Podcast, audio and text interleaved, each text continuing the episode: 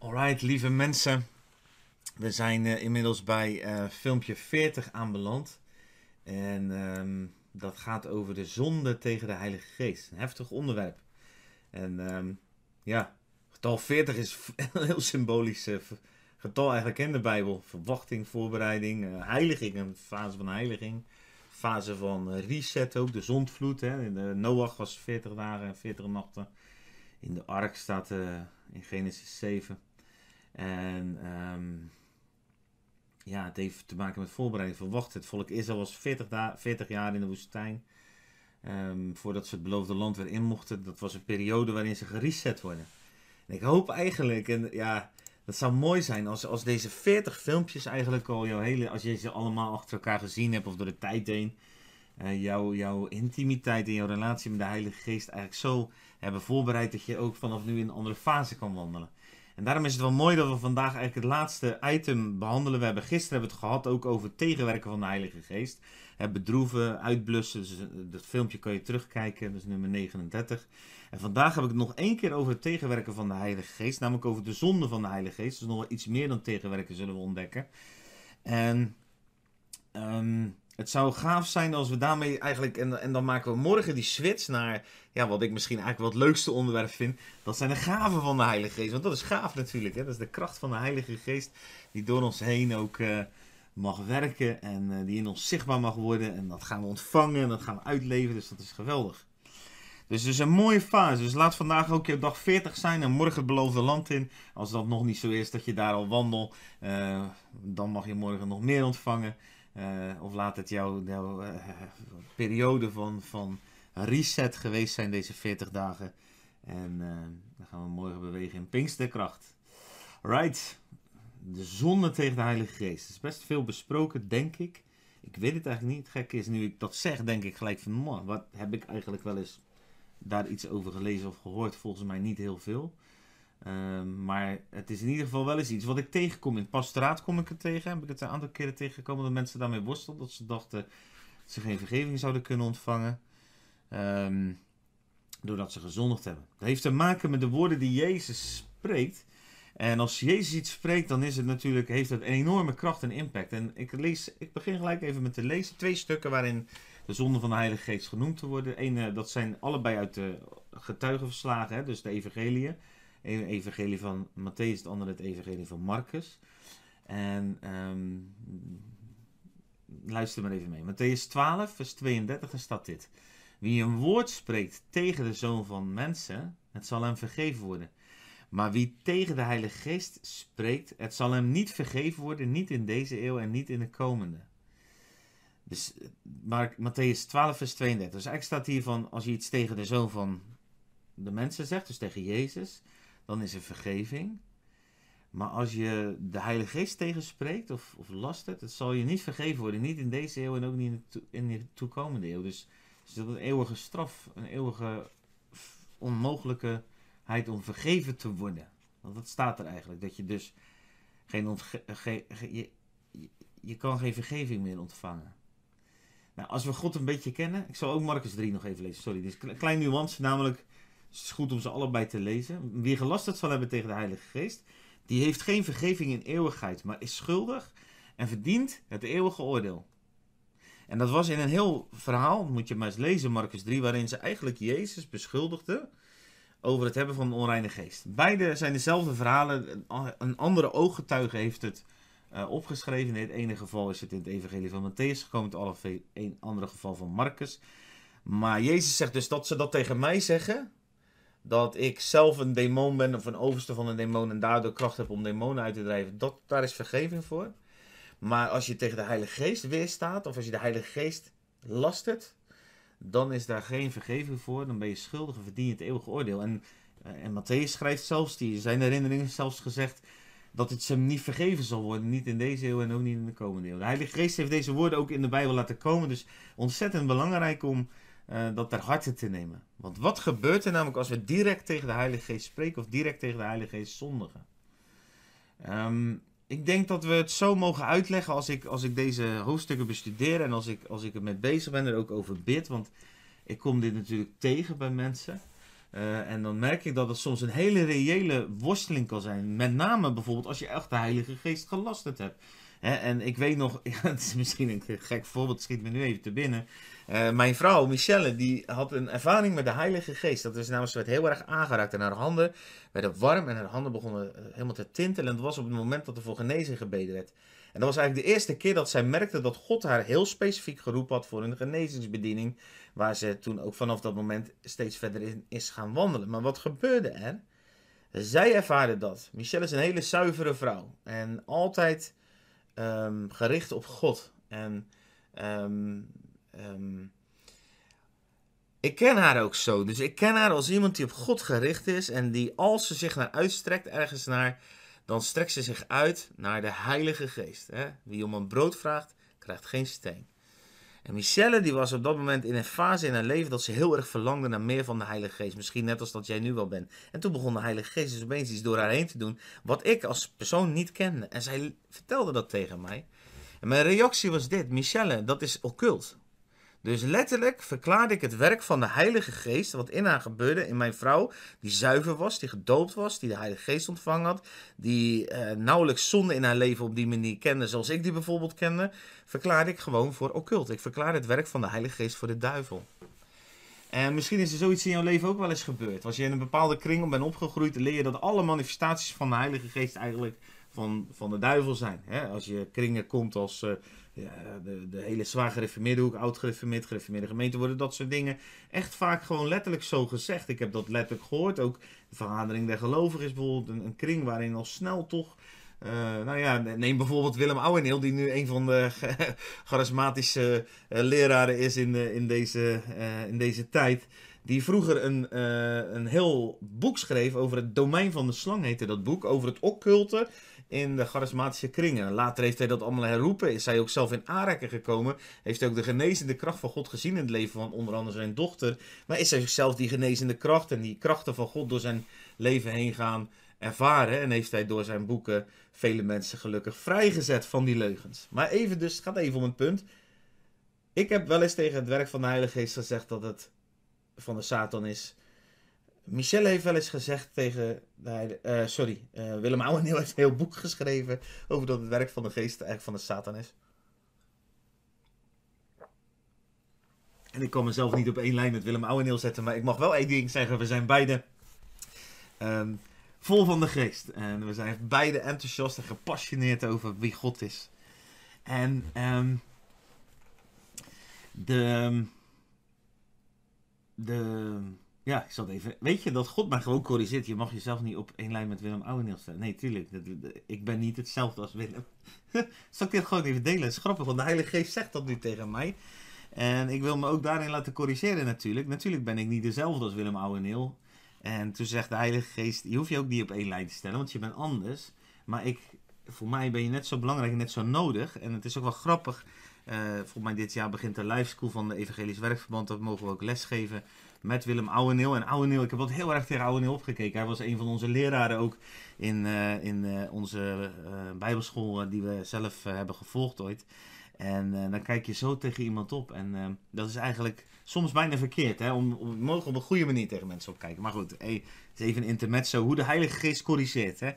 Dus laat je corrigeren. Want anders dan zit je soms ook onder valse nederigheid. En dat is ook niet nodig. Maar ik ben geen Willem Ouweneel. Die man is uh, absoluut van een andere oordeel als ons mensen. Wandelende encyclopedie die door deze wereld heen gaat. En als je ooit een bijbeltekst echt niet meer kan vinden... en zelfs je bijbelapp kan hem niet vinden... kan je het aan Willem Ouweneel gewoon vragen. En dan zegt hij, nou dat staat daar en daar. Wonderlijk, wonderlijk brein heeft hij van God gekregen. Prachtig mens. En uh, een echte krachtige leraar die in onze deze tijd heel veel mensen in de vrijheid van de geest heeft gebracht. Maar goed, het is geen reclame voor Willem Ouweneel. We hebben het over de zonde tegen de Heilige Geest. En mijn punt was dit. Nou weet ik het weer. Mijn punt is dat als ik en Willem, Willem en ik, we hebben beide hebben we wel eens wat gesproken over het werk van de Heilige Geest. En we hebben daarin natuurlijk de Heilige Geest ook gelasterd.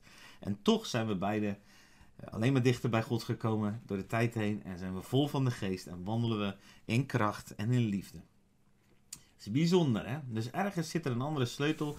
En is dat niet de zonde tegen de Heilige Geest? De zonde tegen de Heilige Geest is dus niet als je tegen Jezus iets verkeerd. De zonde tegen de Heilige Geest is ook niet als je het werk van de Heilige Geest belast. Wat is het dan wel? Nou, ik geloof dat het eigenlijk veel simpeler is, want ik zit nu alweer een heel verhaal te houden en dit filmpje kan volgens mij best kort blijven. Het is denk ik heel eenvoudig. Ehm, de Heilige Geest is degene, de werkzame kracht, dat kan je lezen, onder andere in Johannes 3, vers 5 tot 6. Uh, die maakt dat je wederom geboren wordt. Dus de Heilige Geest is het enige eigenlijk wat jou kan in jou kan bewerken dat je opnieuw levend gemaakt wordt. Dus zijn geest die zich verbindt met jouw geest. kijk het filmpje over inwoning maar eens terug bijvoorbeeld, daar gaat het daarover. Uh, dus de Heilige Geest maakt jouw geest levend. Als dat werk niet plaats kan vinden, dan kom je dus niet tot je doel. Dan zondigen we dus eigenlijk tegen de Heilige Geest, tegen het werk van de Heilige Geest. Even over dat de Heilige Geest het enige, de enige is die eigenlijk jou, dat, die jou opnieuw geboren kan laten worden. Dat staat in Johannes 3, vers 5 tot 6. En daar staat Jezus antwoord en zei voorwaar, voorwaar. Twee keer voorwaar, dus goed opletten. Ik zeg u, als iemand niet geboren wordt uit water en uit geest, hij kan het koninkrijk van God niet binnengaan. Want wat uit het vlees geboren is, is vlees. Maar wat uit de geest geboren is, is geest. Oké. We zijn bestemd voor het koninkrijk. We zijn bedoeld om opnieuw geboren te worden. Want door de zonde zijn we afgesneden van het vlees, van onze relatie met God. Heilige Geest is degene die dat werk doet. Dat is het werk van de Heilige Geest. Dat is de Heilige Geest. Die is, zodra hij in ons komt, gaat hij dat doen. als je die ook over de vrucht kijkt, de filmpjes. Dat is eigenlijk gewoon de inwoning van de Geest. Maakt dat wij hij is het. Dus het is niet eens zijn werk, zou je kunnen zeggen, maar het is gewoon de aanwezigheid van zijn persoon die direct dat gaat doen. Dat is, dat, is wat er gebeurt als hij in ons komt. En de zonde, waar de Heilige Geest specifiek over kennis wil geven, dus hij, hij is nodig om wederom geboren te worden.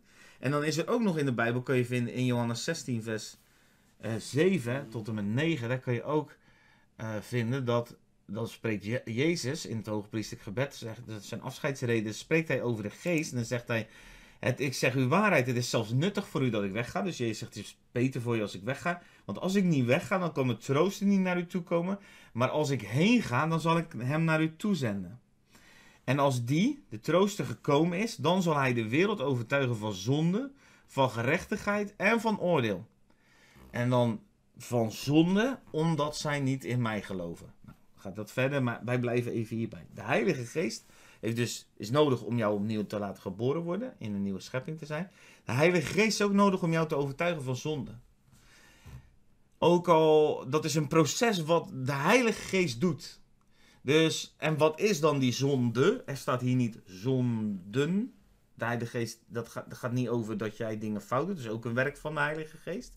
Maar zijn eerste en primaire werk is dit: de wereld te overtuigen van de zonde. Namelijk dat ze niet in Jezus geloven. Kijk, en daar hebben we de kern te pakken. Dus de Heilige Geest is nodig om opnieuw geboren te worden. En de Heilige Geest is er ook gekomen om ons te overtuigen van de zonde. En er is eigenlijk dan is één basiszonde. Dat is de grootste zonde. Dat is ook de enige onvergeeflijke zonde. Namelijk als wij niet overtuigd worden dat, zij, dat wij in Jezus moeten geloven. Dus als je het hebt over de zonde tegen de Heilige Geest, dan gaat het er dus om op het moment dat hij jou wil overtuigen dat je nee zegt. Dat je hem niet toestaat. Dat gebeurt. Er zijn miljoenen mensen die in deze wereld, miljarden, ervaringen hebben, aanrakingen, dromen. Uh, Paulus zegt ergens, zelfs als ze hem niet kennen, zullen ze hem in de natuur ontmoeten. Wij gaan niet over de manier waarop de Heilige Geest dat doet. Hè? Daar moeten we ook niet in klein denken. Dat is heel belangrijk. Want soms er zijn, er zijn mensen, zendelingen gekomen in uh, stammen die, die uh, nog nooit het evangelie gehoord hadden, waar ze God de Vader aanbaden.